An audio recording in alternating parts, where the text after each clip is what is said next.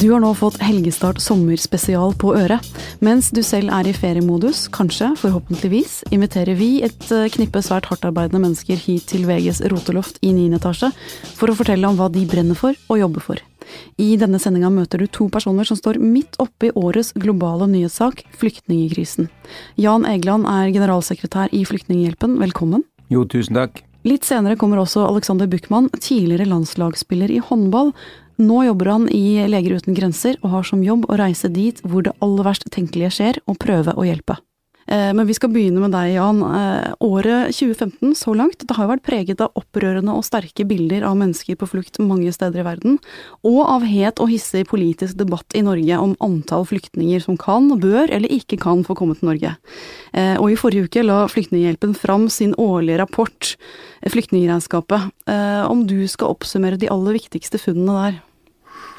Det viktigste og verste funnet er jo at vi har satt en historisk rekord i antallet flyktninger, altså mennesker som flykter fra krig, nø, eh, krig, vold og undertrykkelse, enten inne i sitt land eller over en landegrense. Og det er da 60 millioner. 60 millioner er nesten tolv ganger Norges befolkning. Mm. Vi må jo tilbake til andre verdenskrig og tiden like etter andre verdenskrig for å finne tilsvarende antall mennesker som flyktet. Og viktigste årsaken til at vi har kommet opp i en sånn enorm internasjonal krise som virkelig krever helt andre nivåer av handling, det er Syria og Irak-konflikten som er sammenvevd, hvor eh, historiske antall mennesker er kastet på flukt. Mm. Når du sier at vi står overfor en situasjon som krever en helt annen type handling enn det vi har vært vant til, hva er det vi er nødt til å gjøre nå som ikke har vært krevet av oss på en stund?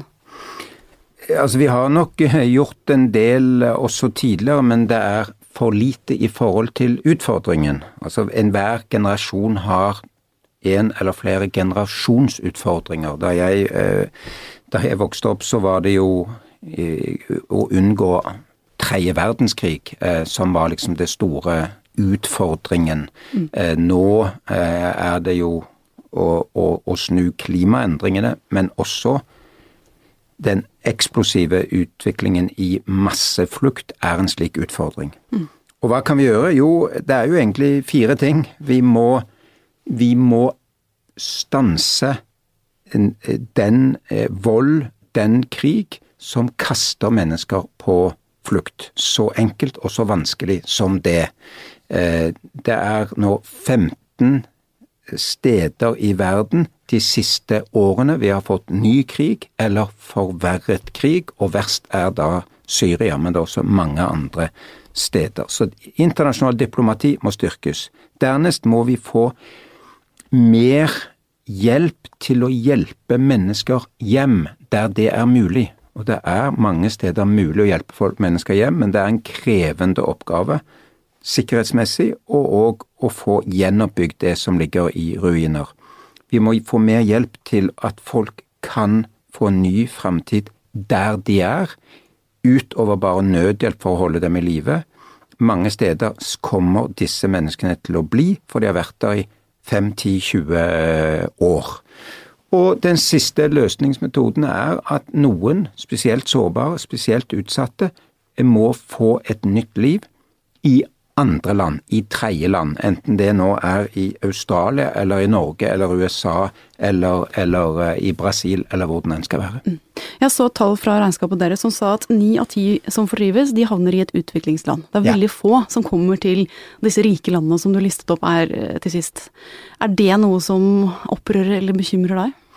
Eller det er iallfall verdt å merke seg, for mytene vi sitter igjen med, er jo at vi oversvømmes. Altså den, den rike vestlige delen av verden, den oversvømmes nå av en flom av flyktninger.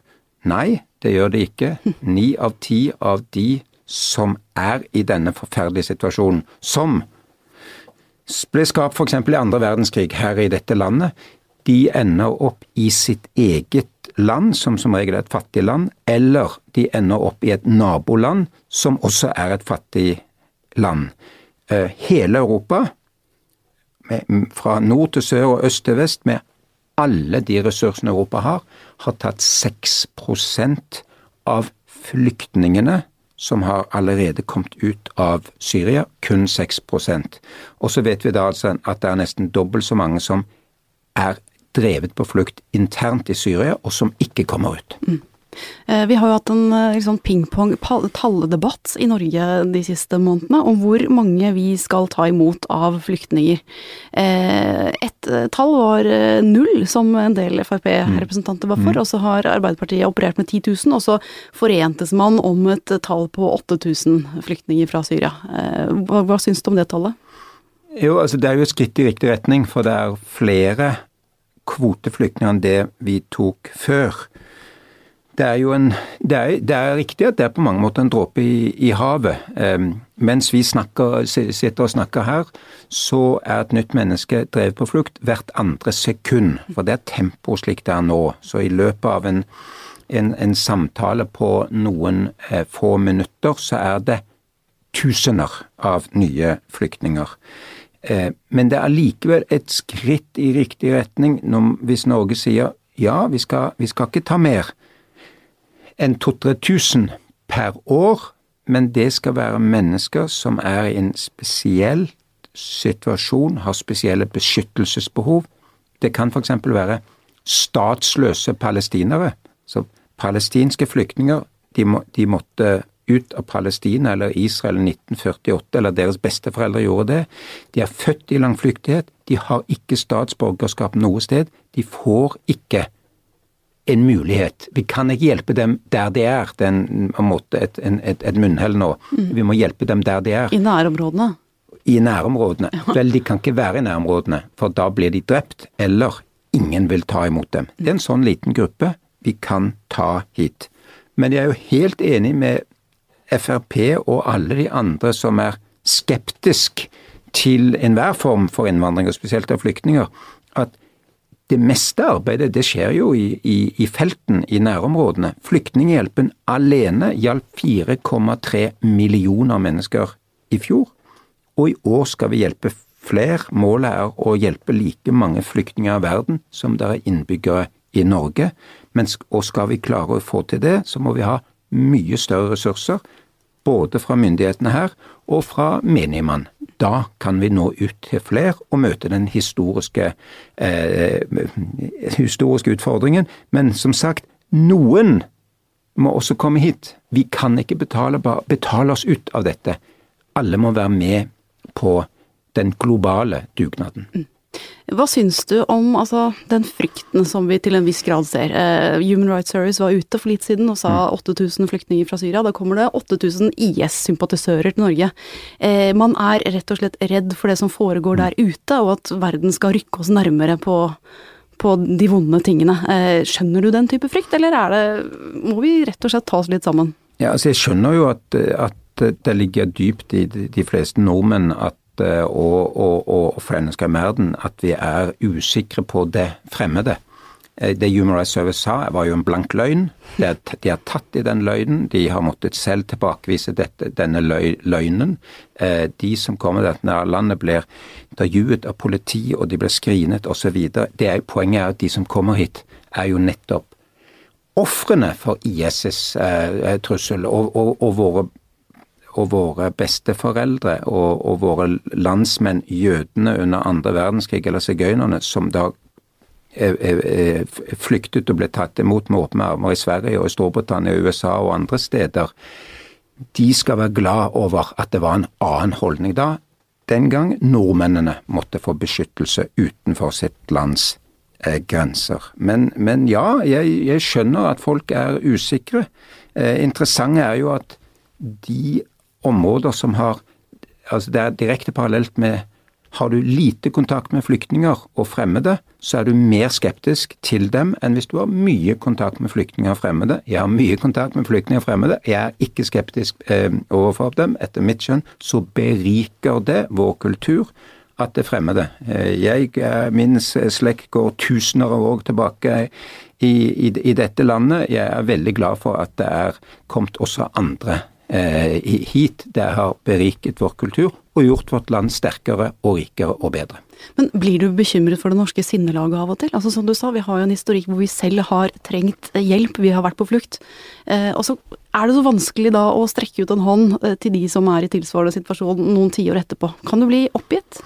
Altså, vel, mitt, mitt inntrykk er at de aller fleste nordmenn vil hjelpe. Eh, så vi, det vi er uenige er liksom hvor mange som skal komme hit. Men ikke at vi må gjøre mer for å hjelpe flyktningene. Og så er det uenighet om balansen i, i, denne, i denne regnestykket. Mm. Eh, eh, så stort sett så er jeg jo fornøyd med det mitt land gjør. Altså vi er du kan si vi er blant de beste, eller jeg prøver ofte å si vi er blant de minst dårlige i denne krisen. Vi gir mer enn andre til hjelpearbeidet, og vi tar tross alt litt flere flyktninger hit.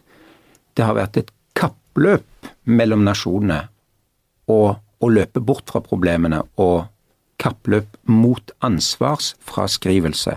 Det er farlig på sikt. Altså, hvem vil leve i en verden hvor vi gir bare håpløshet og fortvilelse i gave til titalls millioner ungdommer? Det er jo klart at da vil vi høste forbitrelse, ekstremisme, eh, ustabilitet for oss selv og for våre barn. Det, det kan vel ingen være særlig interessert i. Når du står overfor disse tallene, og du står overfor den situasjonen som du skriver, beskriver, jobber med dette hver dag, kan du bli overmannet av håpløshet, eller har du en, fortsatt et, en tro på at dette skal ordne seg på et eller annet vis? Altså, jeg, jeg, er jo grunnleggende optimist, nettopp fordi jeg ser at vi lykkes. Vi når fram med hjelp. Eh, jeg møtte lille Miriam i Bekadalen i Libanon.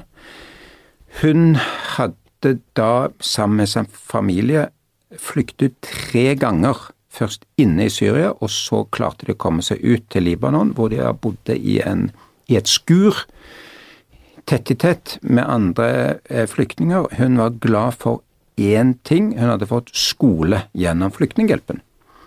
Og der spør, så spurte jeg henne hva vil du bli når du blir stor da, Miriam, og svaret var jeg vil bli lege, jeg vil bli doktor, fordi jeg tilbake til Syria og lege de sårede og syke som vi måtte etterlate der. Mm. Hun kunne svart, det hadde i og for seg kanskje vært naturlig, jeg vil bli jeg vil melde meg inn i en eller annen bevegelse sånn at jeg kan brenne ned huset til de som brant ned mitt hus. Men det sa hun ikke. Hun sa jeg vil bli lege, jeg vil, jeg har framtidshåp. Da kan vi realisere det fremtidshåpet. Det er i samsvar med våre idealer og våre interesser. Jeg er optimist, jeg. Jeg, jeg ser at vi lykkes. Vi når fram med vår hjelp. Mm. Og Hvis du skulle kommet med en type sommeroppfordring til de som uh, hører på dette, uh, hva burde man uh, jobbe litt med i sommer med seg selv? Ja, og altså, ikke snu seg bort. Jeg hørte en gang at det var en app som var oppfunnet som, som skulle skru av nyhetene hvis man nevnte ordet Syria. Altså ikke snu seg bort fra realitetene i vår tid. Og hjelpe oss til å hjelpe. Enkelt og greit. Du kan bli, du kan bli fadder i Flyktninghjelpen. Det er bare å gå inn på hjemmesiden vår, flyktninghjelpen.no. Eh, da kan man hjelpe barn sånn som Miriam, som jeg nevnte. Alle kan vi gjøre noe. Og så er det òg å gi politikere og andre støtte når de ønsker at Norge skal gjøre mer. Vi har aldri vært rikere, aldri vært sterkere, aldri vært mer robuste, aldri hatt større og bedre velferd i dette landet, så vi burde da kunne gjøre mer for å møte den utfordringen, som er altså en generasjonsutfordring, at det nå er 60 millioner mennesker som er på flukt, og antallet øker inntil vi hjelper antallet til å snu, og vi vet altså hvordan vi skal få det til å snu. Mm. Kobler du fra flyktningeproblematikken noen gang? Altså, tar du helt fri? Kan du legge deg ned og tenke på noe helt annet, eller tar Absolutt. du med deg flyktninger til sengs og drømmer Nei, jeg, må, alle, alle, må vi kable av, og det gjør jeg òg. Jeg, jeg, er veldig glad i arbeidet mitt og brenner for det og jobber hardt og mye dag og natt i i, i, i, mange land og områder, men, men, jeg er veldig glad over å få bo i Norge og ha ei hytte å reise til og slappe av og hogge ved og stupe med min lille hund i sjøen og, og, og, og være med min eh, kjære familie. Det skal være deg vel unt. Takk for at du kom til sommerspesialen vår. Takk for at jeg fikk komme. Da tar vi et sceneskifte her i Helgestart sommerspesial. Inn kommer Alexander Buchmann, som er nødhjelpskoordinator i Leger uten grenser. Eh, og Alexander, akkurat nå når denne sommerpraten spilles inn, så er det et halvt døgn siden du kom hjem fra bokstavelig talt den andre siden av jordkloden. Ja, jeg kom hjem i går. Eh, det var den lengste reisa som jeg noen gang har vært på, tror jeg. jeg brukt gode 48 timer på å fly hjem fra et veldig lite land eh, på den andre sida av jorda som heter Nauru. Som er ei øy midt ute i Stillehavet. Eh, hvor, hvor, Australia har bestemt seg for at der skal de, eh, der skal de prosessere sine asylsøkere. Ja, altså man plasserer de man ikke har så lyst til å ta imot selv. De får lov til å være på den øya. Ja, altså de, nå har de gjort det sånn at alle som kommer med båt til Australia, eller prøve å komme seg til Australia med båt, eh, irregulært, eller det australierne kaller ulovlig, eh, de får alle lov til å sette fot på eh, australsk jord. Mm. Så de sender dem rett og slett til Nauru, eh, eller til Kambodsja, eller til Papua Ny-Guinea. Eh, og der, eh, derifra så blir de sittende i ja, altså det folk flest ville ha kalt et fengsel. Eh, helt til de har saken sin eh, og asylsøknaden sin prosessert. Eh, og da i tilfelle så ble de sluppet ut i lokalsamfunnet på Nauru eller i Kambodsja eller i Papua Ny-Guinea. De kommer fortsatt aldri til Australia. Men denne type flyktningleirer eller fengsler som du nettopp kalte dem, altså hvis du skal beskrive, hvordan ser de ut, hvordan er de? Altså det, eh, det, skal jo sies at Australia har investert vanvittige penger, eh, mengder penger, i eh, denne type leirer. Nå har ikke jeg fått lov til å gå helt inn der hvor flyktningene eller asylsøkerne lever, men jeg har vært og kikka på de medisinske forholdene. Og til deres forsvar så, så, ser det veldig, veldig bra ut. Men det er ikke til å stikke under en stol at det at man, man lever i uvisshet uh, i veldig mange måneder, kanskje flere år. Og man vet ikke hva som kommer til å skje med en. da blir man sjuk allikevel. Mentalt sjuk, og, det får fysisk utslag. Så det er tungt uansett hvordan man vrir og vender på det. man vet rett og slett ikke hva som er framtida. og uten framtid så har man heller ingen håp. Og, og, ingenting å glede seg til. Så da, da, er det en stor andel av de her asylsøkerne som får mentale problemer. Mm. Men dere i Leger uten grenser, dere drar jo da til disse stedene for å prøve å bistå på en eller annen måte. Hva er det du gjør? Altså jeg er nødhjelpskoordinator. Eh, det, det, er ofte den vanlige uh, greia når jeg sier at jeg jobber i Leger uten grenser, så tror alle at jeg er lege eller sykepleier. Um, men hos oss så er det ca. halvparten av dem som jobber for oss, de er ikke medisinsk, uh, og jeg er en av dem. Så det jeg driver med er koordineringsarbeid. Jeg har ofte prosjektansvar eller landsansvar når jeg, når jeg drar i felt. Og det innebærer at jeg overser de medisinske prosjektene våre. At jeg har ansvar for sikkerhet. At jeg har ansvar for å representere Leger uten grenser opp mot myndigheter, opp mot andre som har noen ting de skulle ha sagt i den konteksten. Um, og at jeg også har et managementansvar for, uh, for dem som jobber i det landet hvor jeg er. Det å ha ansvaret for sikkerheten, det kan vel til tider være en stor uh, oppgave? For det er vel ikke bare risikofritt å dra til den type felt som dere drar til? Nei, vi, vi tar uh, til tider relativt stor risiko. vi har jo på en måte et uttalt mål om at vi skal dra dit andre ikke er.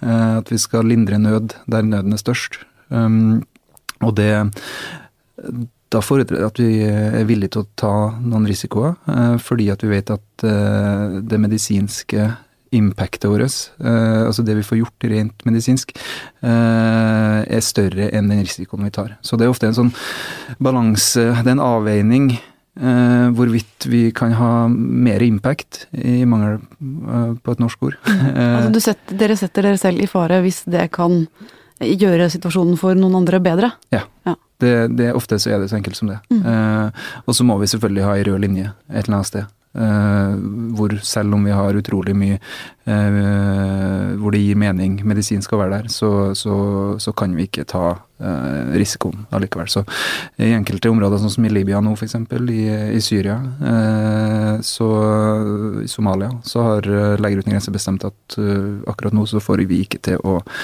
ha noen prosjekter i de, i de landene. Mm. Du har jo reist mye de siste årene i forbindelse med denne jobben. Jeg vet du har vært i, ja, i Syria, i Afghanistan. Mm. Eh, hva er den verste sånn katastrofesonen du har vært i? Altså, de er alle eh, rar på sine måter, men eh, altså Syria er nok verst. Syria er nok det prosjektet som, som uh, satt mest spor i meg. jeg husker at jeg husker at jeg kom hjem fra Syria, og da, da kunne ikke, da fikk jeg ikke til å prate noe særlig om det. Jeg fikk ikke til å sette særlig noe særlig ord på de opplevelsene jeg hadde, hadde hatt. Og de inntrykkene de ble liksom Det tok veldig lang tid for, før jeg fikk fordøyd dem. Eh, det tok eh, kanskje et år, ett og et halvt år før jeg egentlig fikk til å prate noe særlig om det. Um, og det var nytt for meg. Sjøl om jeg hadde vært i, i, Libya under borgerkrigen der, i, i Pakistan, i Sør-Sudan, i eh, andre områder med mye konflikt, så var akkurat Syria det, det tok veldig lang tid før jeg, før jeg helt tatt fordøyde. Mm. Um, og før jeg fikk til å prate om det. Men hva, altså, hva slags typer, trenger ikke å gå i detalj, men hva slags typer av erfaringer, eller ble du stilt overfor? Var det, var det hardt skadde mennesker som kom inn og trengte hjelp? Altså, vi, vi, vi drev et prosjekt praktisk talt på frontlinja nord i Syria. Um, og hver eneste dag så drønna det gjennom dalen. Uh, hver eneste time uh, så, så, ble det skutt uh, bomber og granater i vår retning. Uh, det kom helikoptre som droppa tønnebomber eh, bare noen få hundre meter fra der vi var. Eh, og det var jagerfly som, eh, som droppa eh, bomber. Eh, altså den, den, nærmeste bomben vi hadde, den traff 125 meter fra, eh, fra sykehuset. Mm. Og da sier det seg sjøl at folk blir skada. Så vi, vi, var på en, i en sånn konstant uh, fase av eh, beredskap. Um, og titt og stadig så fikk vi inn uh, en mengde mennesker, det kunne være alt, være alt fra en syv-åtte stykker til, til 60-70, uh, som var hardt skadd. Og noen av dem mangla Noen av dem var døde. Mm. noen av dem hadde vi ingen mulighet til å redde. Uh, og mange av dem mangla bein, uh, armer. Uh, mange av dem var skutt. Mange av dem var Altså, det var, det var alle typer krigsskader. Um, og der og da så gjør man bare jobben sin. Man blir på en måte kynisk og iskald og teknisk. men jeg tror nok de lydene og de tingene jeg har sett, de, de satt nok mer igjen enn det jeg kanskje trodde. og det var kanskje det som ble vanskelig å fordøye. Mm. Um, så det var kanskje det som gjorde at det tok så lang tid for meg å prate om det. Mm. Uh, I tillegg så, så, var det noe spesielt med det prosjektet, for det føltes, som, det føltes som det ga så mye mening. Um, det var helt riktig at vi var der. Uh, og jeg tror det er ikke noe annet prosjekt som har følt det så viktig for meg. Um, helt til uh, det tragiske skjedde, og fem av mine kollegaer ble kidnappa av, av, IS. Mm. Uh, og da var den røde linja for Leger uten grenser uh, mer enn nok nådd. Mm. Uh, da, da, trakk vi oss ut. Hva skjedde med de fem? vi brukte noen måneder. Vi brukte opptil fem måneder på, på, å få ut alle sammen. og det fikk vi til. Så i, i, mai i fjor, for nesten et år siden, så, eller for litt over et år siden, så hadde vi heldigvis alle ut igjen. Mm. Eh, så vi hadde fem internasjonalt ansatte som ble, ble, ble kidnappa, og seks nasjonalt ansatte. Eh, og det var jo en av, det var den mest komplekse kidnappingssituasjonen vi har hatt eh, i Leger uten grenser. Men vi fikk dem heldigvis ut. Mm. Skjer det ofte at noen blir kidnappa eller utsatt for vold? Av de du jobber med? Nei, det skjer, altså, det skjer, ikke ofte. Det å bli utsatt for vold, det er en sånn eh, Hva er det som er vold, og hva er det som er Altså hvilken grad snakker vi her, og sånn. Altså. Men, eh, men altså, det, det, skjer ikke ofte, eh, heldigvis, at, uh, at, vi har At det er venner og kollegaer som blir uh, bortført. Um, det, det, skjer nok kanskje litt oftere at vi har uh, både lokalt ansatte og internasjonalt ansatte som, ansatte som blir utsatt for vold eller som blir trua. Eh, det er dessverre en del av jobben. Eh, og når man har 35 000 ansatte, eh, man har 450 prosjekter rundt omkring i verden i over 70 land, så sier det seg sjøl at man man man møter ganske mange forskjellige mennesker med ganske mange forskjellige agendaer. og med sine historier og sine grunner til at man gjør noe, og noen ganger så går det utover oss. Mm. Hender det at du tenker at en helt vanlig kontorjobb, noe trygt og greit med kontortid 9 til 4, hadde vært noe? Nei, det tenker jeg veldig sjelden. Eh, jeg må innrømme det. det. Jeg tror nok at um, Altså, det interesserer meg egentlig ikke så veldig. Jeg tror at eh, jeg har alltid sagt at jeg ønsker meg en livsstil. Jeg, jeg har aldri ønska meg en jobb. Jeg ønsker at jeg skal ha noe jeg brenner for, og at jeg skal være lidenskapelig engasjert i det, det jeg driver med. Og, og det gir Leger uten grenser meg. Det gir denne type arbeid. altså Det betyr noe mer enn det at jeg har på en måte stempla inn og ut. Eh, men all ære til dem som gjør det. Eh, det. Men det handler bare om prioritering. Eh, det er, for min del så, så, handler det om at jeg må, jeg må på en måte tenke, tenke det og være det, og, og brenne for det hele døgnet. Altså hvis jeg skulle ha dratt hjem klokka fem på ettermiddagen og visste at jeg ikke hadde trengt å åpne mailen min før klokka ni morgenen etter, så, så er det ikke en jobb for meg. Du hadde jo en helt annen retning i livet lenge. Du var en veldig lovende håndballspiller. Inntil for ikke så mange år siden. Eh, hva var det som skjedde der? Nei, altså eh, Nå, nå spilte jeg profesjonelt i en syv-åtte år. Uh, og var kjempeheldig. Fikk lov til å, til å spille i uh, de fire største ligaene i, i Europa. Uh, og levd av det i, i en syv-åtte år. fikk spille på landslaget og være med i EM og VM. og gjøre alt det som man på en måte drømmer om når man er liten guttunge og, og har lyst til å, å, leve av idretten sin, av hobbyen sin. Men så ble jeg skada. Uh, ble skada i 2009 under VM, og uh, da var det, gikk det egentlig ikke mange minuttene eller timene før jeg forsto at det her var slutten. Mm. Den skaden her den kommer jeg mest sannsynligvis ikke tilbake fra. og da handla det bare egentlig om å omstille seg. Jeg husker jeg liksom på en måte sa eller tenkte til meg sjøl at nå, nå skal du ikke være skuffa. Nå har du fått med den greia her. Eh, nå har du fått spille så lenge, og du har fått oppleve så mange ting, og du har uh, fått nytt godt av de utrolige vennskapene man har bygd, og relasjonene, og man har lært seg språk, og uh, man har vært kjempeheldig. Uh, så nå har du ikke lov til å synes synd på deg sjøl, og ikke lov til å være skuffa. Nå er det bare å ta denne muligheten, og så, og så gjøre det beste ut av det, og gå videre. Og det, det gjorde jeg. Jeg husker at jeg, før jeg dro hjem fra Kroatia, hvor, vi, hvor jeg ble skada, og hvor vi spilte VM, så hadde jeg allerede søkt på universitetet. Ja. Uh, uh, sånn at da visste jeg at det lå der. Så da, da, kunne jeg bruke noen måneder på å bli operert og trene opp og sånn, men uh, at jeg til slutt skulle på universitetet, det var, det var, viktig for meg å ha det der. Mm. Hadde du allerede da en følelse av at du skulle ut og gjøre verden til et bedre sted, eller kom det etter hvert? Altså, jeg hadde alltid hatt lyst til å, å jobbe humanitært men, men, på det tidspunktet her så visste jeg ikke hva humanitært betydde. I hvert fall ikke på den måten jeg vet hva det, vet hva det innebærer i dag. Um, nei, så at jeg var allerede en såkalt utøverambassadør for uh, Johan Olav Koss sin, uh, sin, organisasjon, som heter Right to Play. Um, og så fikk jeg lov til å være med dem i, uh, til Uganda på noen av prosjektene deres på en sånn ukes, tidagers tur. noen måneder etter at jeg ble skada. Og da fant jeg ut to ting. Eh, det ene var at eh, det her skal jeg gjøre. Det her er det, er det her jeg har lyst til å gjøre. Eh, men jeg skal ikke gjøre det på den måten her. Jeg skal ikke drive med utviklingsarbeid, jeg skal drive med nødhjelp. Mm.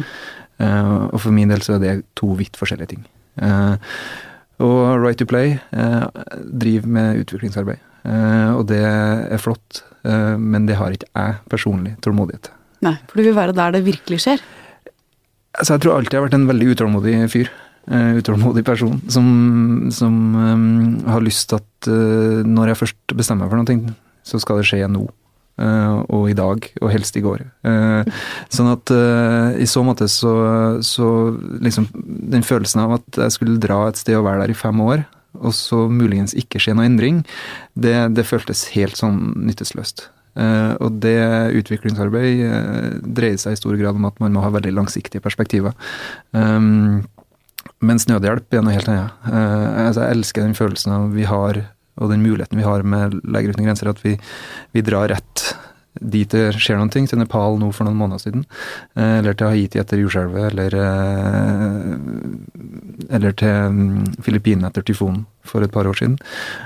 Og så tar det, det tar bare noen timer, det tar bare noen dager, så har vi et sykehus oppe og går, og så behandler vi pasienter, og så endrer vi skjebner, og vi redder liv. Og, og folk uh, lider mye mindre. Og det, uh, det for, for, min del, som en utålmodig person, så er det helt nydelig. Altså det er veldig få fiks. Sånne, sånne, veldig få sånne ting som kan måle seg med det i, i livet mitt. Når man får til akkurat det der. Mm. Man snakker om at både utenriksreportere, krigsreportere og hjelpearbeidere kan bli litt sånn hekta på, hekta på det. At det kan være vanskelig å komme hjem og en eller annen gang lande i sofaen da, og få et vanlig hverdagsliv. Bekymrer du deg for det? Nei, jeg bekymrer meg ikke for det.